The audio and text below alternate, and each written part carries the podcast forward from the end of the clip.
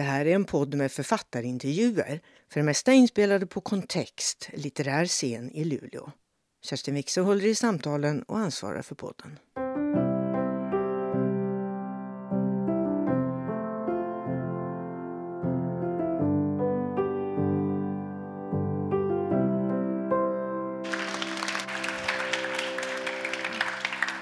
Ja, välkommen Jeanette och välkommen publiken. Det här Jeanette, det är ju hemmaplan för dig va? Ja, Luleå. Luleå? Ja.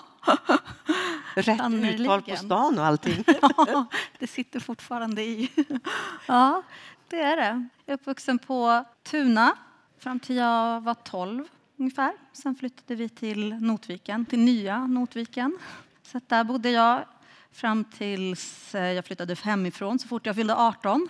Men du, då var du nära älven hela tiden egentligen? Ja, det var jag. Luleälven? Ja. Jag växte upp precis invid, invid den då, där nere vid Tuna strand. Men mm. tänkte du inte så mycket på den?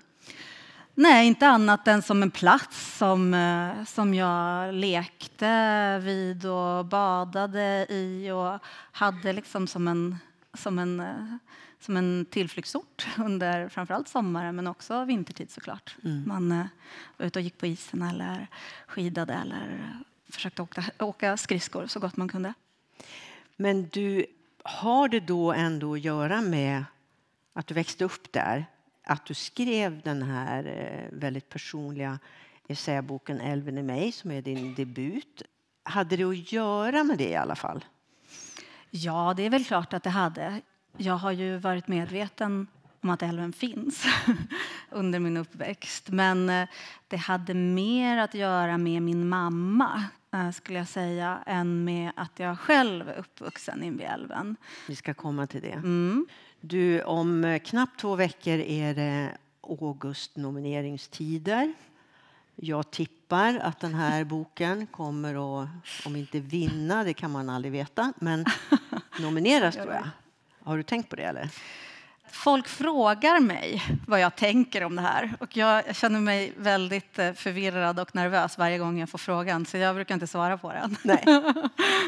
Vi, vi får helt enkelt se. Eh, vi vet om knappt två veckor.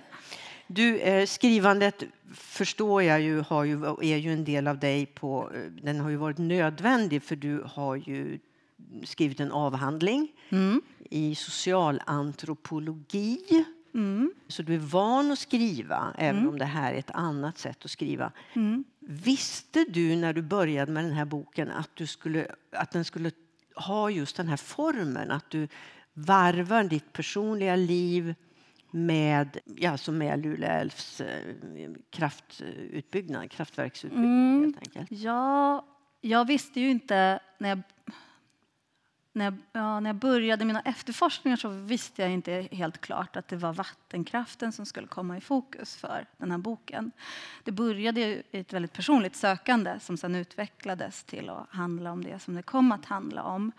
Men när jag väl visste det så, ja då, då visste jag nog att jag, att jag skulle bli tvungen att varva det personliga med det som är mer så att säga, faktabaserat kring vattenkraften. Och också någonting som jag, ja, men som jag själv tycker om att läsa. Så att, eh, jag tror att det fanns med mig tidigt att det var en sån typ av kombination som jag ville jobba med. Ja, det tror jag. Vi kan ju säga så här, då, du står där en dag på Fårö. Det börjar ju lite grann där mm. Eh, med din man som mm. kommer från Fårö. Ja, eller hans släkt hans kommer, släkt kommer mm. från Fårö. Mm. Och om man vet någonting om Fårö så vet man att det är väldigt få människor som kommer från Fårö. Det är inte många. Nej, inte och sen är de, brukar jag tänka lite grann som islänningar. Alltså en Fåröbo vet allting om sin släkt, liksom generationer tillbaka. Och mm. det visste din man också. Mm. Och då blev du, du greps av en liten, du blev avundsjuk helt enkelt. Ja, minst sagt. Minst sagt. och ja. vad var det för känsla då? Jo, men den här avundsjukan har ju funnits länge hos mig. Jag har eh, varit In, avundsjuk. Inte bara i förhållande till din man? Utan... Nej, jag har varit avundsjuk på många. på många människor som har haft en plats knuten till sig där människor generationer före dem har levt sina liv som de själva då också är anknutna till. Och eh, när jag också då har besökt Fårö tillsammans med min man så har ju det här varje gång blivit liksom eh, smärtsamt tydligt för mig att han har det här som jag vill ha. Jag, eh, jag vill också ha en plats som, som, jag, som jag är bunden till genom människor som, som bott där förut. Och, eh, vi har varit på Fårö många gånger tillsammans, jag och min man. Men det var ju det jag skriver om i boken eh, ganska många år sedan.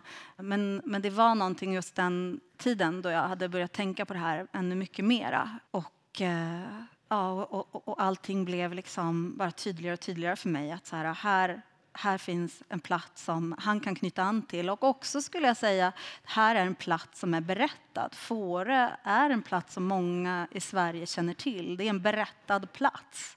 Och det kände jag också att om det finns någon plats jag har så är den inte ens berättad. Eh, så jag tror att det där triggade väldigt mycket i, i mig. Att, be, att eh, befinna mig på Fårö när de här tankarna välde över mig.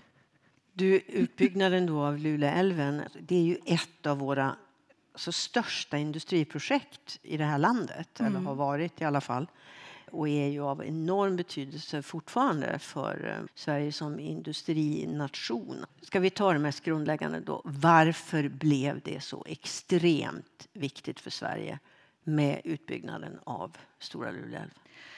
Ja, men det här var ju en tid i början på 1900-talet då allting skulle liksom industrialiseras och även industri eh, elektrifieras. Sverige behövde el för att kunna utveckla sina industrier och särskilt här uppe då med Malmfälten. Man hade tidigare byggt ut, svenska staten hade byggt ut i Trollhättan, det var det första kraftverk som, som Vattenfall då, som senare blev, eh, där man byggde ut det första kraftverket i statlig regi. Och sen började man titta norrut. Hur kunde man göra för att elektrifiera Malmbanan? För man, först kom järnmalmen och sen kom ja, rälsen kan man säga. Ja, och sen så ja. ville man då elektrifiera Malmbanan. Och det sammanföljer också då med att, man, att det blev liksom ett, ett, första världskriget. Fram till dess så hade man importerat stenkol från Storbritannien. Men så blev det krig. Stenkolet blev jättedyrt att importera och då behövde man hitta ett sätt att göra driften billigare. Så då blev Porjus det första kraftverket att byggas ut i Luleälven. Och det var också för att just elektrifiera Malmbanan. Det var det primära syftet med det första kraftverket i Luleälven. Man skulle se till att industrin kunde fortsätta och också utvecklas. Då. Så man kan säga att eh, där hade vi en energikris. Nu har vi haft en annan mm. typ av energikris, men mm. där hade vi verkligen en energikris. Men då när man började med, med vattenkraften då, då, eh, och Porjus, då slapp man ju importera den här dyra sten, det här dyra stenkolet. Mm. Det var ju verkligen en, en vinst liksom. Mm. Jag återvänder lite nu till, jag hoppar lite här, jag återvänder till Fårö. Du, jag tänker så här, varför tror du att som geografisk tillhörighet, att vara knuten till en plats, som du säger, mm. kanske generationer. Varför, varför är det så viktigt för en människa? Alltså, du har ett mantra i boken som går igenom i tesen människan har fötter, inte rötter. Mm. Det därför försöker du övertyga dig själv mm. om. Det går väl sådär. Mm. Men, eh, mm. varför tror du att det, att det fungerar så här? Jag tror att det fungerar så. Inte för alla, men för de flesta av oss. Och kanske sedan vi blev, så att säga, de flesta av oss blev bofasta, jordbrukare och så vidare. Det finns en oerhört stark norm i vårt samhälle att man ska ha en plats. Man ska vara knuten till en plats. Alltså identitet och liksom mark Eh, tillhörighet till en plats är väldigt starkt sammanbundet. Och när man inte har det, när det är någonting som på något vis eh, ifrågasätter en koppling till en plats eller eh, man, man har bytt plats eller ja, vad det nu kan vara, då, då uppstår liksom för, för många en, en, liksom en, en känsla av om inte förlust så åtminstone avsaknad av någonting. Alltså jag tänker att man känner, sig, man känner en stor brist på någonting om man inte har det som alla andra, som man tror att alla andra har. det, det, finns verkligen, tror jag, en, en, en, stark idé om att vi människor ska ha en plats. Att det är bara så vi kan känna oss hemma. Och det där har ju också jag levt med eh, väldigt starkt. Och, och också därför känt avundsjuka mot alla de som jag har uppfattat har haft en plats. För det är ju lite speciellt med dig, du nämnde din mamma förut, nu ska vi komma till henne. Hon växte ju alltså upp i Messaure, mm. som ju inte finns längre. Alltså det var ju ett provisoriskt samhälle då som bara byggdes upp, ett stort samhälle mm. som bara byggdes mm. upp på grund av vattenkraftsutbyggnaden. Mm. Din morfar arbetade för, för Vattenfall. Och där var hon barn och tonåring, visst var det så? Ja, men precis. Hon, hon, hon, det var väl precis ungdomstiden där. Hon flyttade väl dit när hon var runt 9 och 10 år, så det var precis i, i skiftet. Där, så ja. liksom var hon ungdom där. Så det är den tiden som betydde mest för henne, så där, som, hon, som hon befann sig i Messaure. Samhället finns ju alltså inte kvar. Jag har sett bilder därifrån. Det är lite mm. några skyltar eh, och sen är det liksom mm. sly skog ungefär. Det, alltså det finns verkligen ingenting kvar. Och ändå så var det ju så att din mamma hon åkte upp till Messaure varje år för att återse sin hembygd liksom, ja. tillsammans med andra människor. Ja, men precis. De är ju ett, ett, ett gäng. ett gäng som växte upp i, i Messaure som, som varje år träffas för att på något sätt återuppliva och återuppleva det liv som de en gång levde där. Min mamma är uppvuxen framförallt i Messaure men även på an, i andra anläggarsamhällen. Hon är uppvuxen enbart i anläggarsamhällen så att inga av de samhällena som hon har bott på vuxit upp på finns kvar idag. Och Messaure har blivit då den platsen som hon närmast känner som sitt, sin hembygd. Då. För det var där hon var längst tid.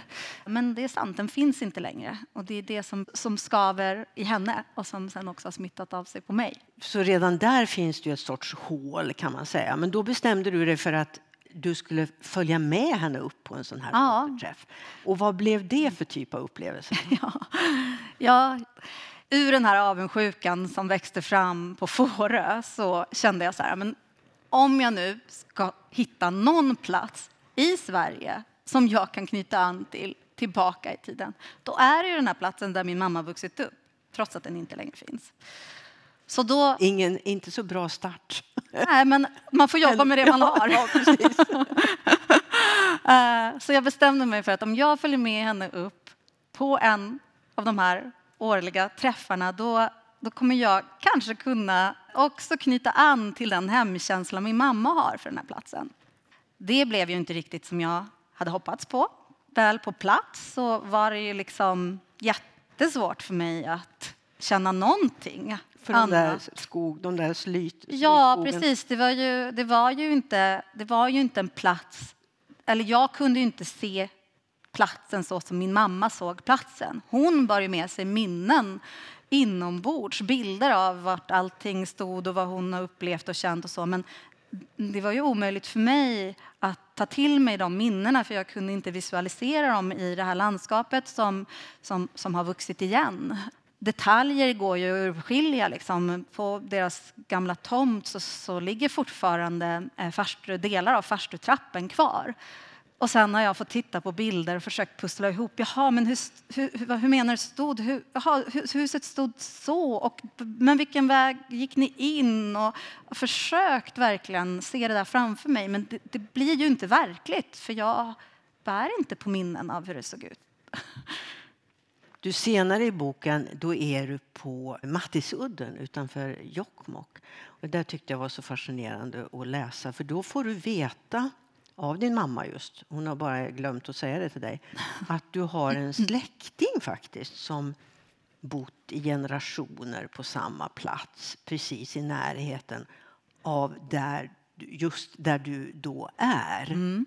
Och då händer det någonting med dig. Alltså du mm. får en rent fysisk reaktion. Mm, ja, verkligen. Kan du berätta om det? Det var ju helt fascinerande att läsa om. Ja, ja men det var ju det var så många lager eh, av upplevelser. Jag befann mig också på en plats, en gammal trolleriapparatfabrik dit min kompis Sigrid hade tagit mig. Så att hela platsen var liksom magisk i sig. Och så hör min mamma av sig och så kommunicerar vi på sms. Och så droppar hon plötsligt att ja, men om du befinner dig i närheten av Mattisudden, där har ju du, där har ju vi släkt.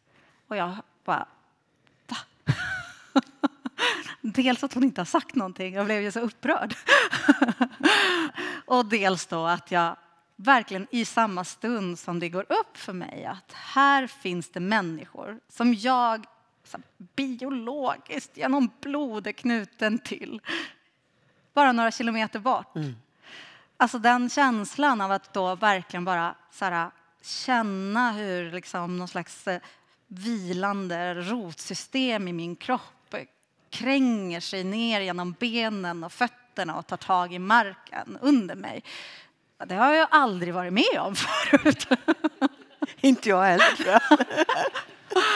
alltså, och, då kände jag så här, det är det här de känner alla jag är avundsjuk på. Herregud! Och så blev jag genast rädd.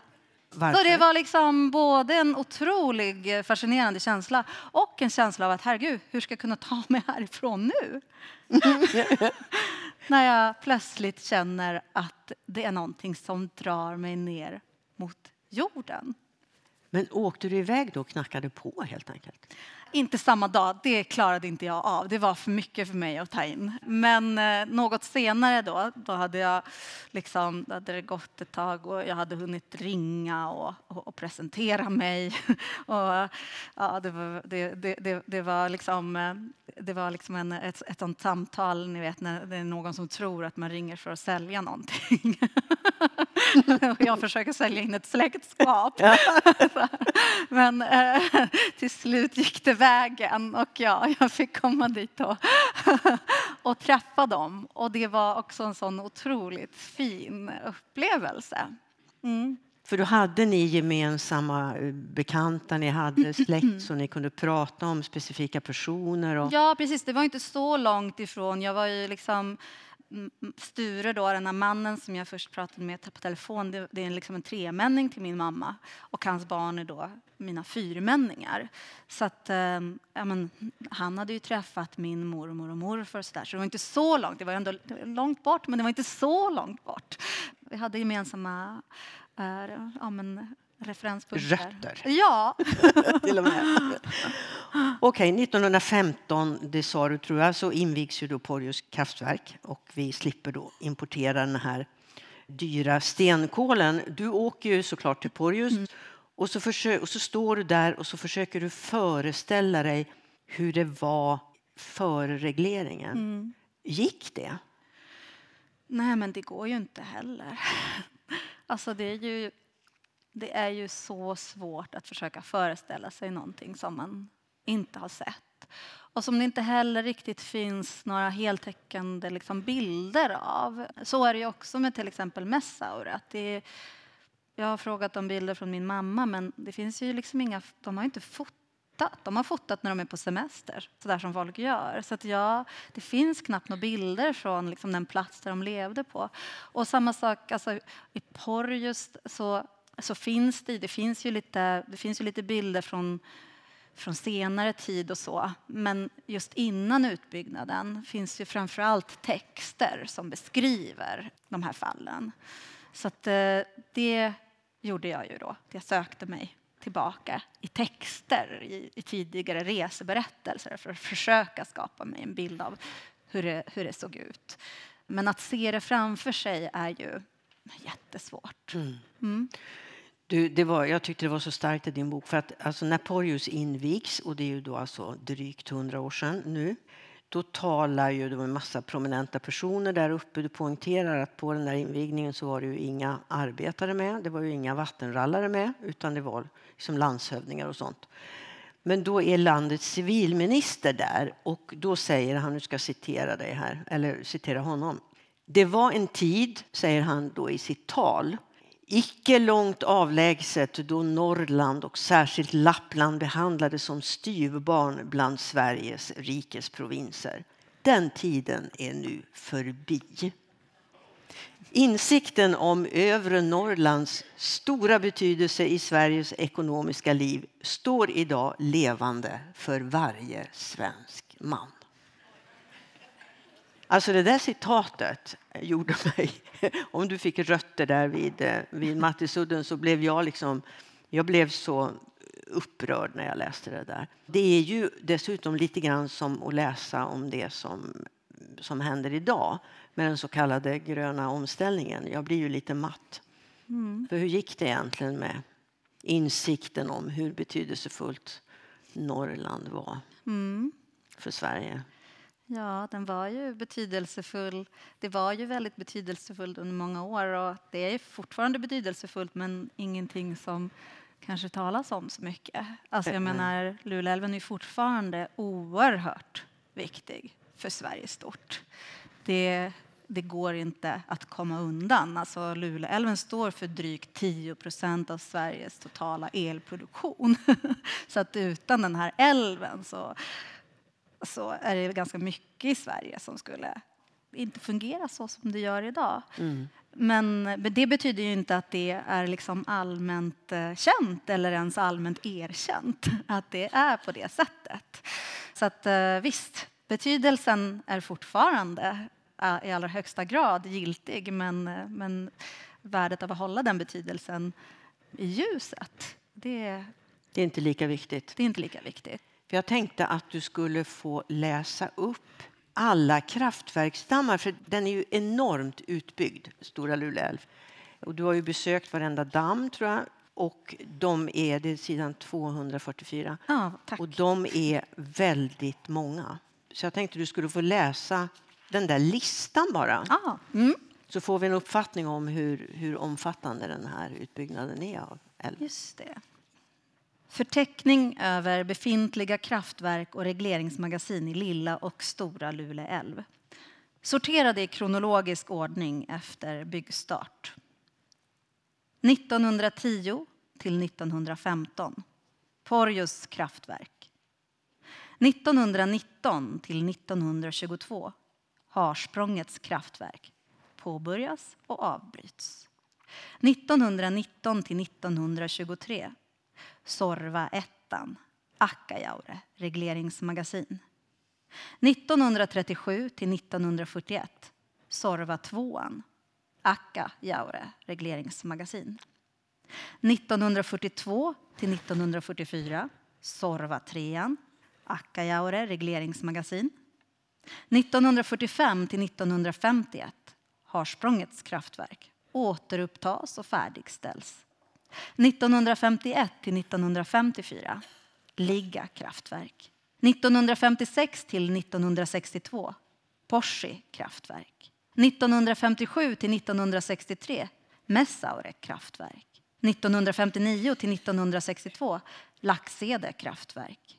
1960 till 1967 Letsi kraftverk. 1962 till 1967 Seitevare kraftverk. Tjaktjajaure regleringsmagasin. 1964 till 1971 Vetas kraftverk. 1966 till 1972 Sorva 4 Akkajaure regleringsmagasin. 1967 till 1970 Parki kraftverk. 1967 till 1972 Bodens kraftverk. 1969 till 1973 Akkats kraftverk. 1971 till 1974 Vittjärvs kraftverk. 1971 till 1977 Ritsems kraftverk, Sitasjaure regleringsmagasin. 1973 till 1976 Randi kraftverk. Har du besökt allihop? Ja, alla kraftverk har jag besökt. Alla kraftverk har du mm. besökt. Mm.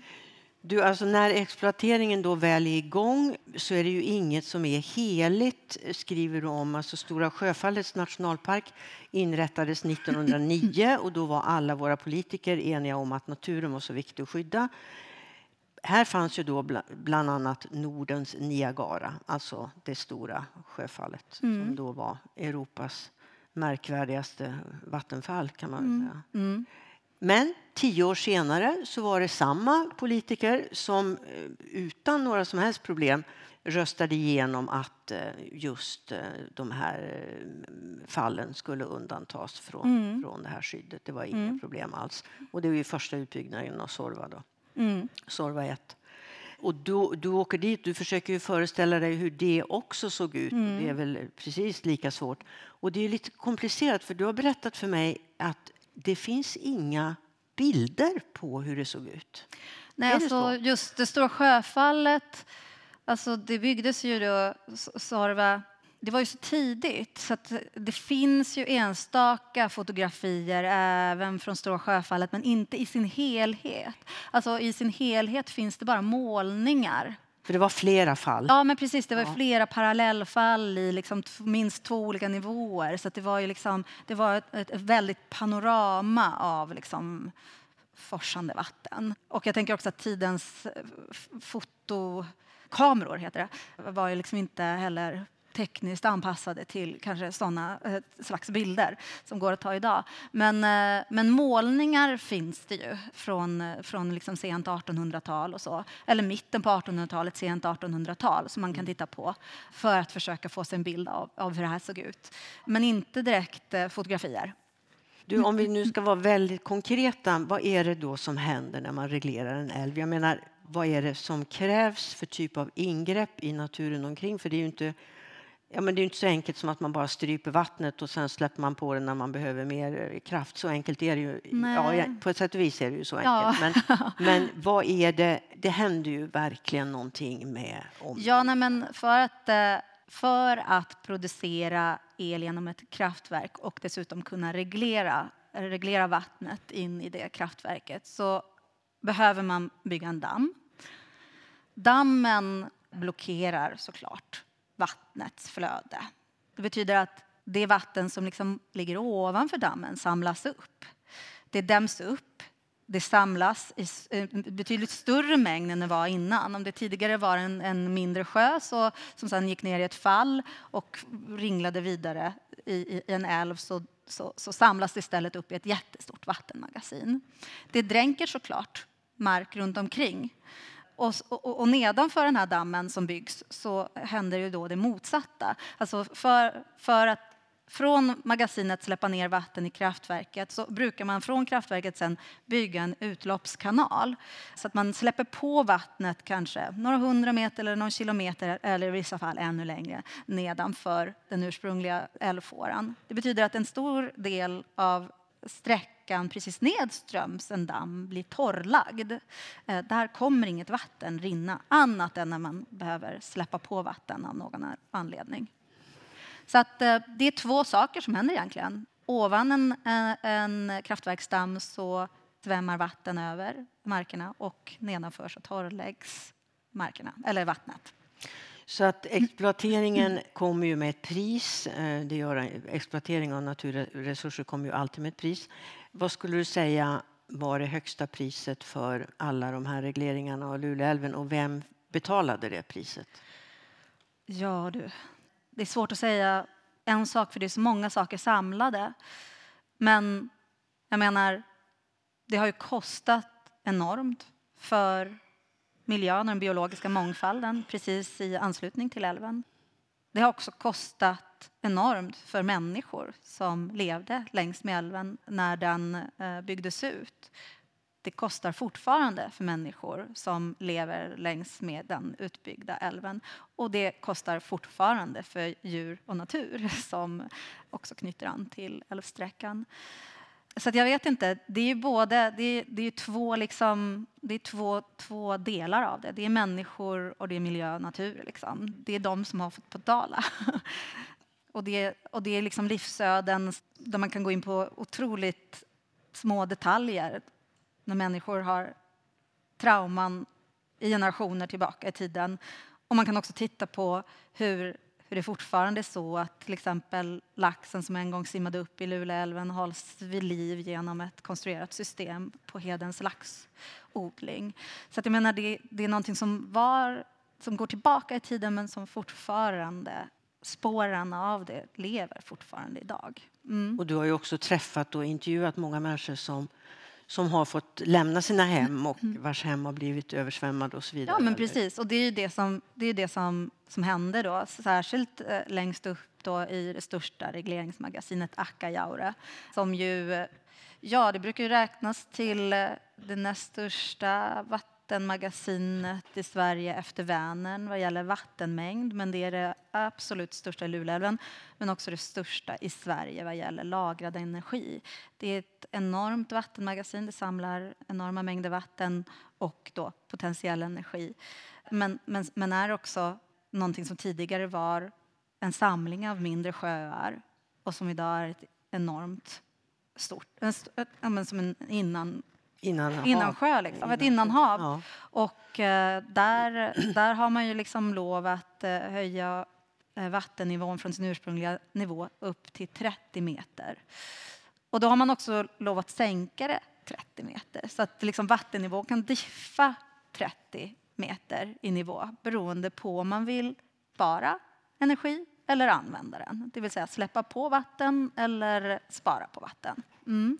Nu har det kommit, så vitt jag förstår, ett nytt eh, ett EU-direktiv som, som mm. säger att vi måste skärpa miljökraven kring de 2000 utbyggnader som finns i Sverige. Men där är, apropå det här med att Luleå, den här älven är så viktig, den är inte med där för den är för viktig. Ja, så är det. För att man skulle ju, man har ju ändå lärt sig lite grann under alla de här åren med utbyggnader. I början så var man jättebrutala och liksom bara dränkte skog och man, liksom, mm. man gjorde alla möjliga saker som man inte gjorde sen. Mm. Men med det här EU-direktivet, nej men då behöver man inte göra det med Stora Luleälv.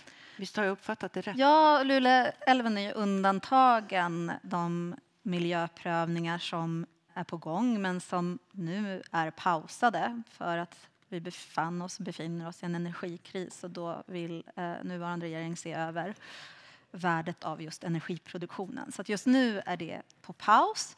Men eh, när, om det tas upp igen så är, är det ändå så att just Luleälven är undantagen den här typen av miljöprövning. För att den är så pass viktig för det nationella elsystemet. Eh, och man, gör liksom, man har gjort liksom bedömningen att det är bättre ur ekonomisk synvinkel att, att liksom satsa på de kanske kraftverk som inte producerar lika som, mycket. Nej, lika mycket. Liksom. Mm. Lättare att handskas med. Ja, lättare att se vad man kan göra där än, än, än, än att gå in på de här stora apparaterna som mm. finns i Luleälven. Men du, från Porjus då framåt, alltså under hela 1900-talet i stort sett, nej inte riktigt, men när man byggde ut, gjorde alla de här nya kraftverken, så växte ju ändå miljömedvetenheten under tiden. Mm. Men hur tycker du att eh, lyckades de med någonting? De, de lyckades stoppa någon utbyggnad tror jag. Ja, precis. Alltså det, det är ju också det är en väldigt intressant historia, just motståndets historia. Det första motståndet skulle jag säga, det kommer ju från samiskt håll och det görs tidigt. Men samer hade väldigt liten, fick väldigt litet gehör under den tidiga utbyggnaden. Så att det motståndet slogs ju ner väldigt hårt. Det var väl först när miljörörelsen också kom igång och man också började samarbeta, eh, samebyar och miljörörelsen tillsammans, så man faktiskt kunde åstadkomma någonting i, i fråga om, om just liksom protester och så. Och just vad gäller Luleälven så ja, alltså den stora grejen som man satte stopp för det är väl egentligen det är Sitojaure.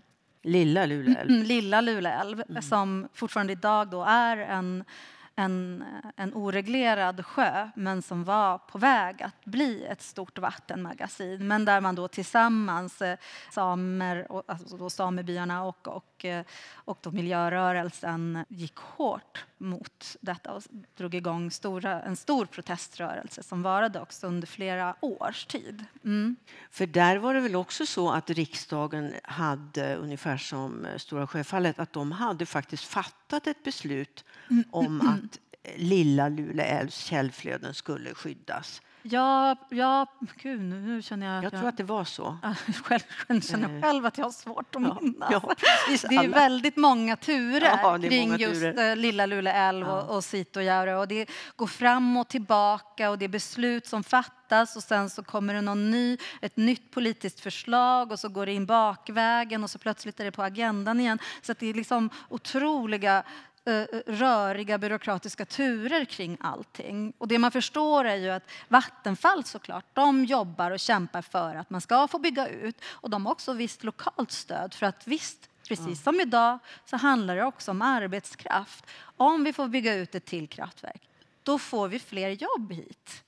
Så jag menar, ett tag, ja. Ett tag i alla fall. Så jag menar, hela tiden syns ju den här spänningen mellan alltså exploatering men också vad kan det ge i termer av, av jobb, skatteintäkter till kommunen, alltså den typen av liksom, ja, konflikt är hela tiden närvarande i den här frågan om älvens utbyggnad eller protesterna mot eh, älvens utbyggnad. Och nu handlar ju allting om att få hit så mycket energi som möjligt. Och jag menar, visst var det väl också så att Vattenfall, det fanns planer som aldrig realiserades på att bygga ut de andra orörda älvarna också i detalj, att det finns liksom eh, ja, men precis.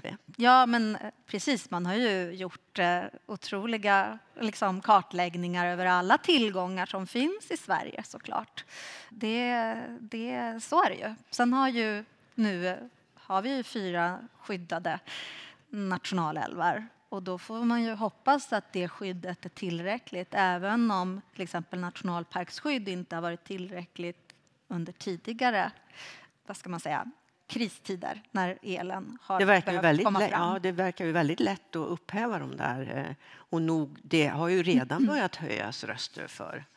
Ska man ändå inte ta Kalixälven eller? Mm, ja, precis. Ja, det, finns ju, det finns ju vissa röster som, som föreslår det igen. Det hade jag kanske inte kunnat se framför mig. Men det kom ju också med energikrisen och det kommer ju bli mer och mer aktuellt att fundera över var vi ska få all el ifrån som vi behöver som, som land när vi går liksom mot både en klimat, nödvändig klimatomställning där vi ska gå mer mot förnybar energi och där allting liksom, vi lever i en tid med accelererande teknologisering och digitalisering och det kräver el.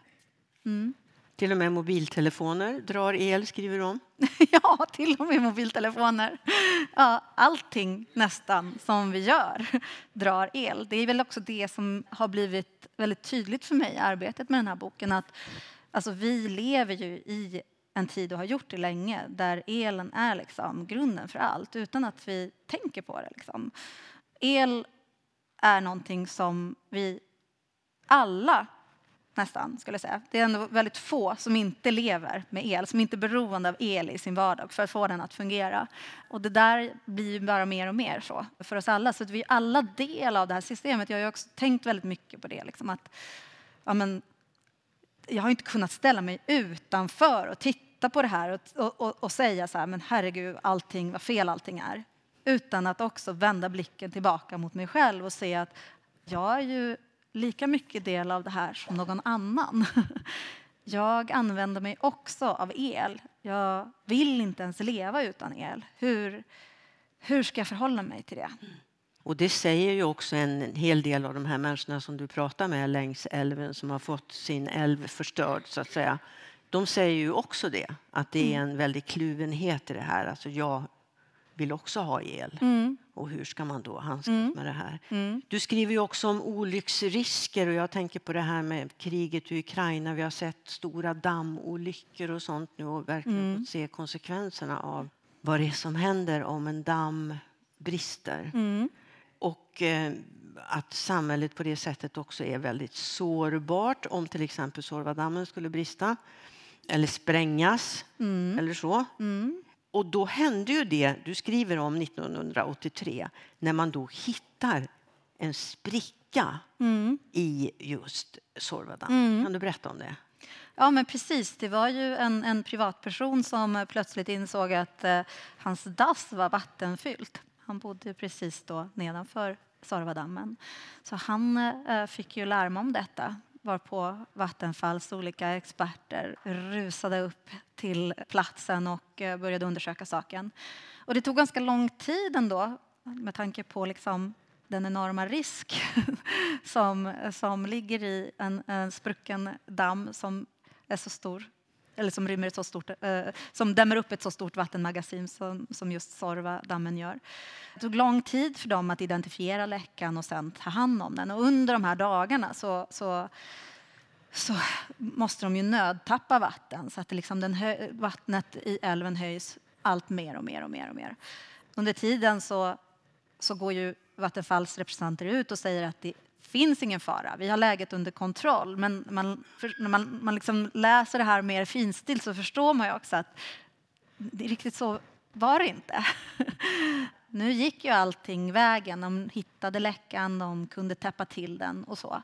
Men det förändrade ju, för fram tills dess hade inte det här varit en, en, en fråga som diskuterades i, i någon större omfattning. Alltså redan tidigare så hade såklart människor som levde nära de här dammarna lyft frågan på olika möten där man diskuterade nya kraftverksprojekt.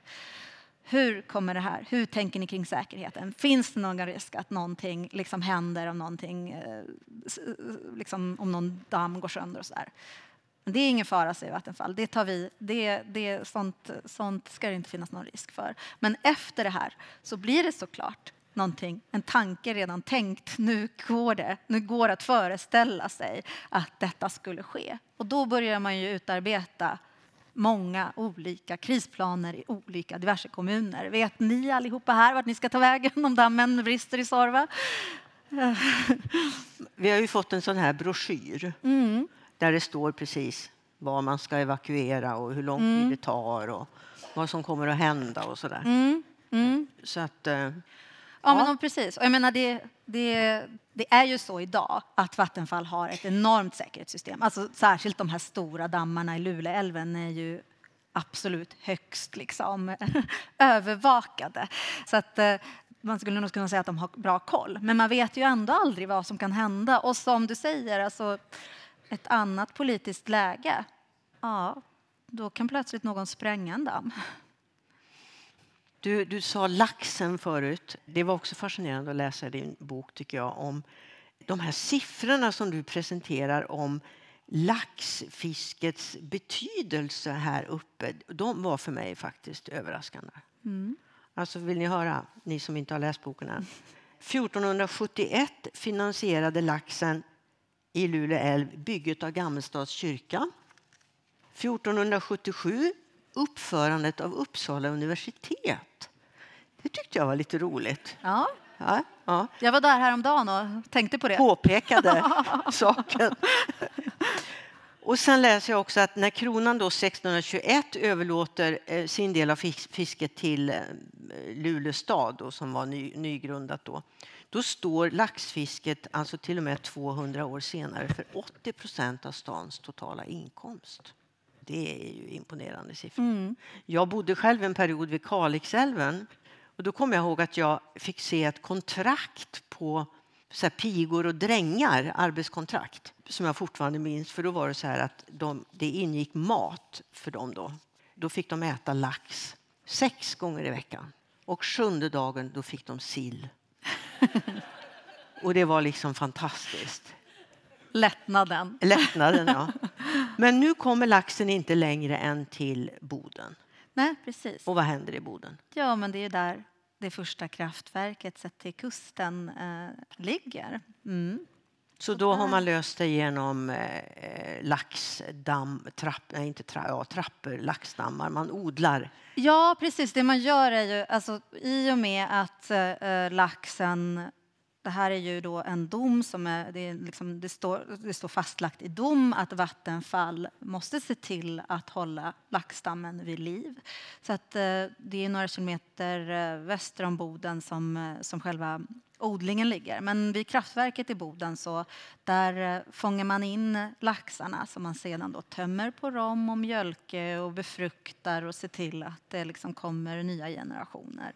Som man sedermera när de är tillräckligt gamla släpper ut i älven igen och så simmar de ner, för de söker sig ut i havet, simmar ner genom kraftverket och så ut i havet och så bor de där några år och sen så försöker de komma upp igen. Mm.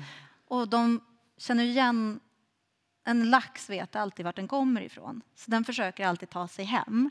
Den, den känner hem sin födelseälv på dofter och annat. Så att den kommer alltid komma försöka komma tillbaka upp till Heden. Men den kommer aldrig komma längre än till Boden för till där tar det stopp. Så att vid Bodens kraftverk så kan man då se laxarna stå och stångas mot eh, kraftverksluckorna. Och det är också där då som man sen plockar upp dem för att så att säga göra allt om igen. Mm. En sorts konstgjord andning förstås. Ja, det är det ju. Alltså det är ju så här att genom hela boken så resonerar du ju om den här stora frågan då hur mycket kan och ska vi offra för det allmännas bästa, så att säga, mm. elen som du pratar mm. om här nu då. Hur många älvar kan vi bygga ut? Hur, hur, stor, hur stora naturintressen kan vi, kan vi tillåta förstörs och så vidare. Skulle du säga att under arbetet med den här boken, du har ju hållit på i sex år typ? Fem år skulle jag säga. Ja, fem år. det är ändå rätt lång tid. Mm. Har, har den frågeställningen, har du blivit klarare över den? hur du själv liksom förhåller dig till den här balansen eller har det gått fram och tillbaka? Mm. Och, och så kom den här gröna omställningen på slutet. Då. Mm. Eh, mm. Hur ser du på det? Nej, jag eh, har absolut inga tydliga svar i skjortärmen så, utan jag brottas ju verkligen med de här frågorna. Men det jag på något sätt har landat i och, känner väldigt starkt, det är ju att eh, och som jag hoppas att eh, min bok på något sätt ska ja, men generera, det är väl att ja, men det, här, det här är en, i första hand kanske en historisk skildring av en uh, utbyggnad, men som också tar i vår tid. Men det vi har framför oss är också någonting att fundera över. Alltså, det kanske inte kommer vara i första hand älvar som byggs ut framöver men vi har en stor elproduktion som måste till någonstans. Någonstans ska någonting uppoffras. Och detta behövs diskuteras. Detta behövs funderas kring i mer allmänna sammanhang än att eh, liksom det eller det politiska partiet eh, föreslår det eller det förslaget. Alltså detta, det är sådana stora samhällsomvandlingar som, som väntar. Så att frågan om varifrån vi ska få el för att kunna fortsätta leva det liv som vi uppenbarligen vill leva. Eh, el är, liksom, det är både funktion och bekvämlighet. De flesta av oss vill inte avstå från det. Då måste vi också gemensamt diskutera vem som ska betala priset för det som komma skall. Och där såklart så så kan ju jag ibland förundras över de kommuner som i södra Sverige motsätter sig vindkraftverk ute till havs för att de anses förstöra utsikten. Alltså det pris som har betalats av vissa är mycket, mycket högre än vad som har och skulle kunna betalas av andra. Så att det jag tänker är att vi behöver bli medvetna om vad som har skett tidigare för att kunna förstå relationen till det som, som väntar. Ja. Kloka ord. Du, du skriver också en del om, du skriver, ja, du skriver faktiskt en hel del om en sorts skuld som du eh, upplever att du har gentemot allt det som har hänt kring, inte allt kanske, men mycket av det som har hänt kring, kring utbyggnaden av mm. Stora och Lilla Lule. Mm. Vad handlar den skulden om egentligen? Ja, men det är ju en känsla som bottnar i att min morfar jobbade som snickare för Vattenfall. Han var ju med och delaktig i att bygga ut flera av de kraftverk som idag livnär Sverige på el. På samma gång som han var en viktig person i det stora liksom, bygget av Sveriges välfärd så var han också delaktig i att söndra det här landskapet och göra livet svårare för många människor. Den skulden har jag brottats med när jag har insett vidden av alla de uppoffringar som människor längs med Luleälven har gjort för att jag och många andra ska kunna leva de bekväma liv som vi lever. Eh, så det är en skuld som jag har liksom burit med mig under arbetet med den här boken. Eh, funderingar kring den skulden. Liksom, och, och hur, hur, hur, hur, relaterar jag till det min morfar gjorde och bidrog till och ja, vad nu motsatsen till bidra till är, men det som han gav upphov till liksom, i, i negativ mening. Det där har, det har, det har varit liksom... Det har gnagt i Det har verkligen gnagt i mig. Och din mm. mamma jobbade eh, också för Ja, dessutom. Ja, hon har ju större delen av sitt liv också varit anställd för Vattenfall, men här i Luleå då, på kontoret. Så att hon har ju också bidragit till Vattenfalls eh, framfart här i, i, i den här älvdalen. Mm. Kunde du befria dig från den där känslan av skuld?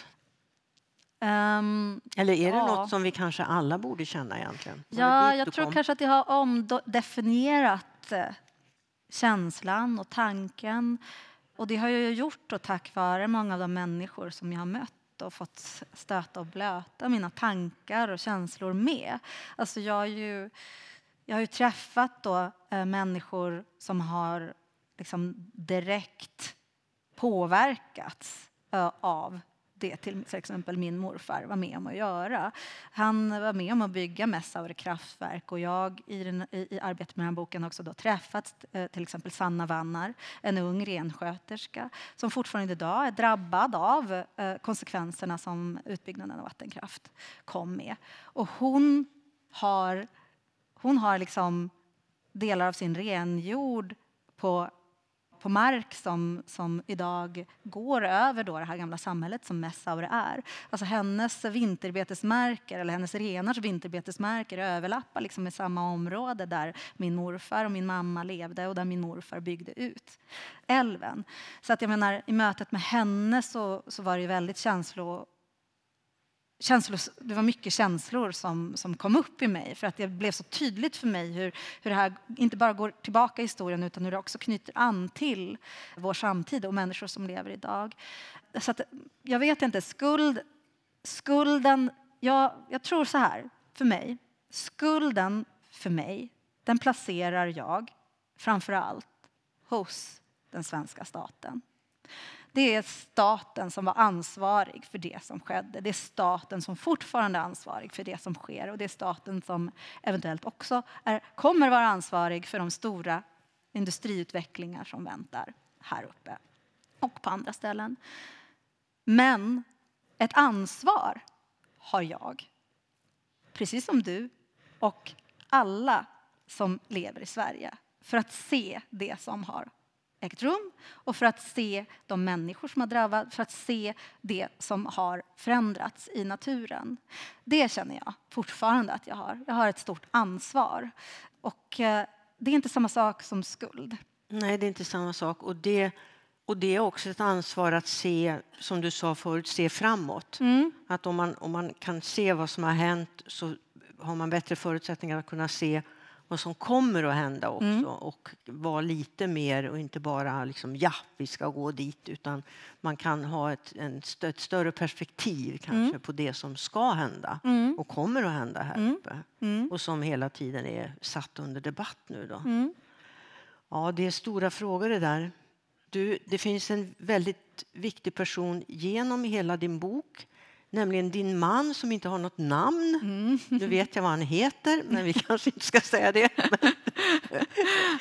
han betyder väldigt mycket för dig i, i hela projektet. Inte mm. bara att han har stött dig, han följer också med dig på dina resor.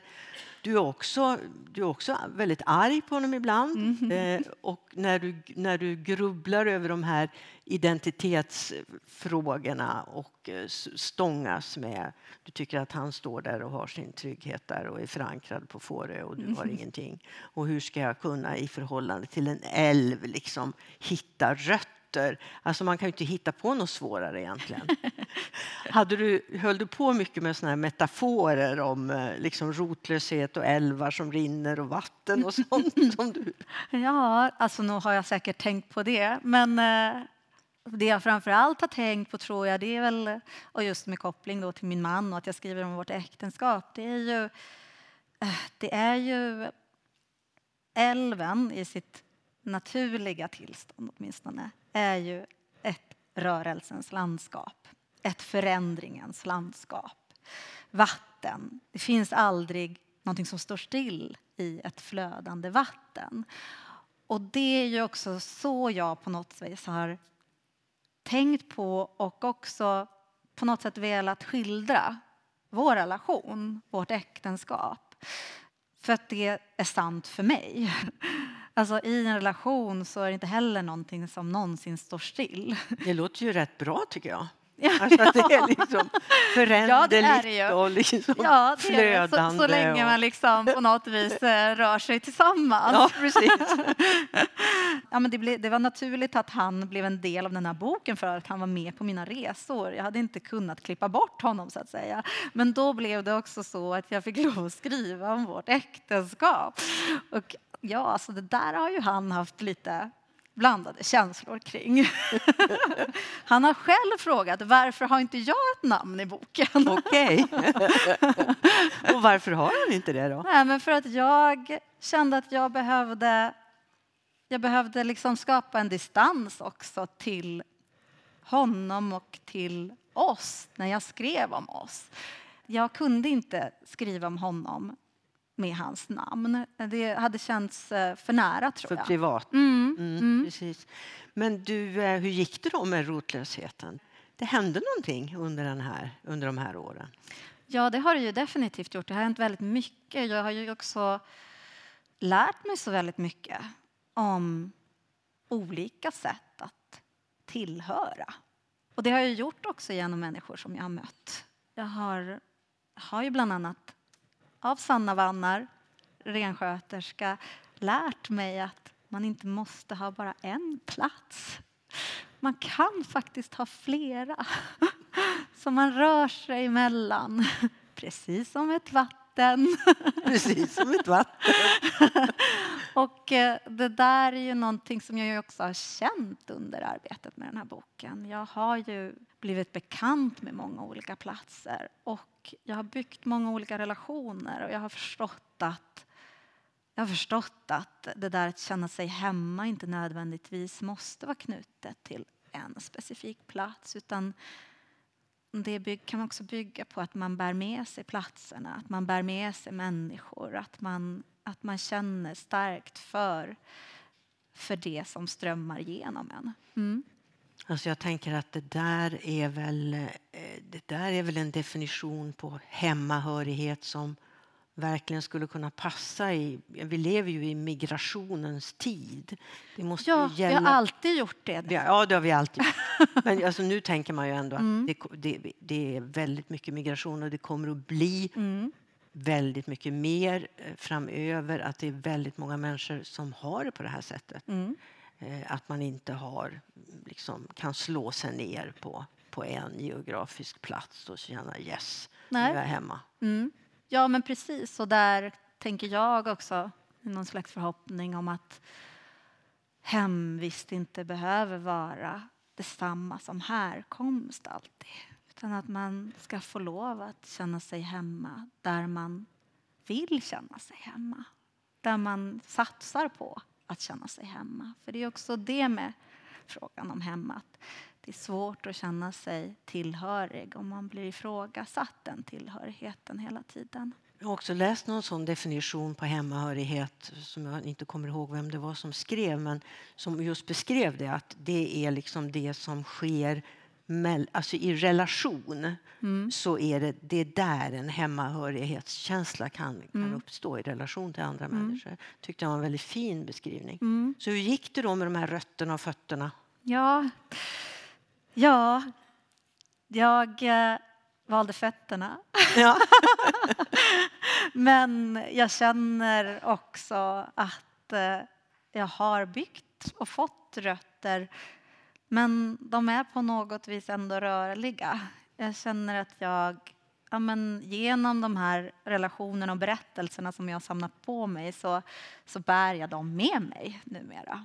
Och såklart, nu har jag byggt egna minnen av de här platserna. Liksom. Jag, Messaure för mig finns och lever i mig men det är inte samma plats som min mamma bär med sig. Men det är en annan plats som jag nu har inom mig. Och det gäller också för många andra, både kraftverk och samhällen och eh, ljuvligt vackra oreglerade flöden som också finns. eh, Så du har liksom längs med hela, du har en älv inom dig nu som du kan återvända till i ett sorts tankeflöde dessutom.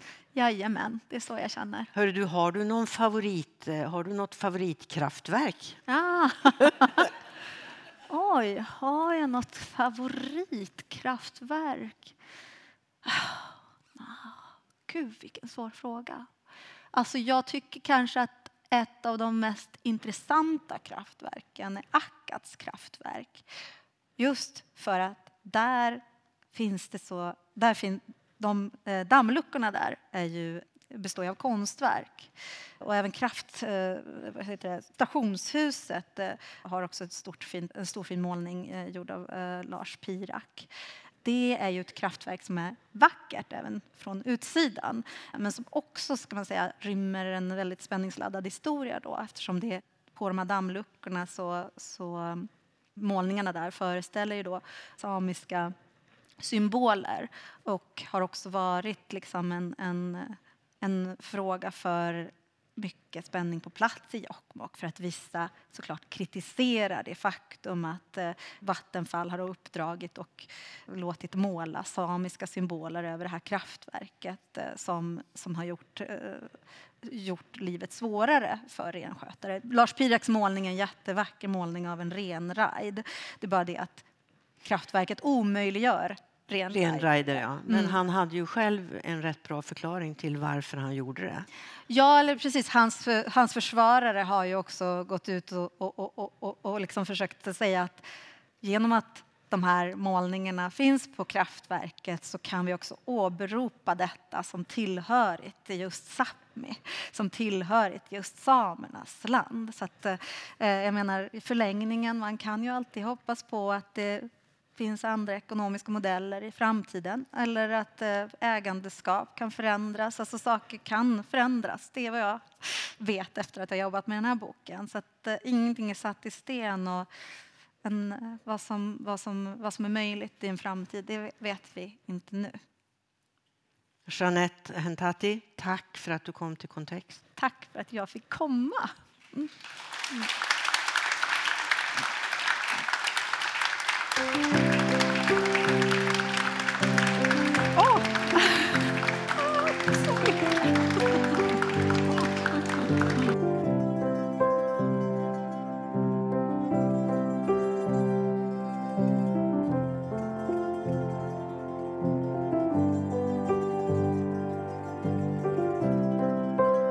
Kontext Podcast produceras i samarbete med Kontext, litterär scen i Luleå.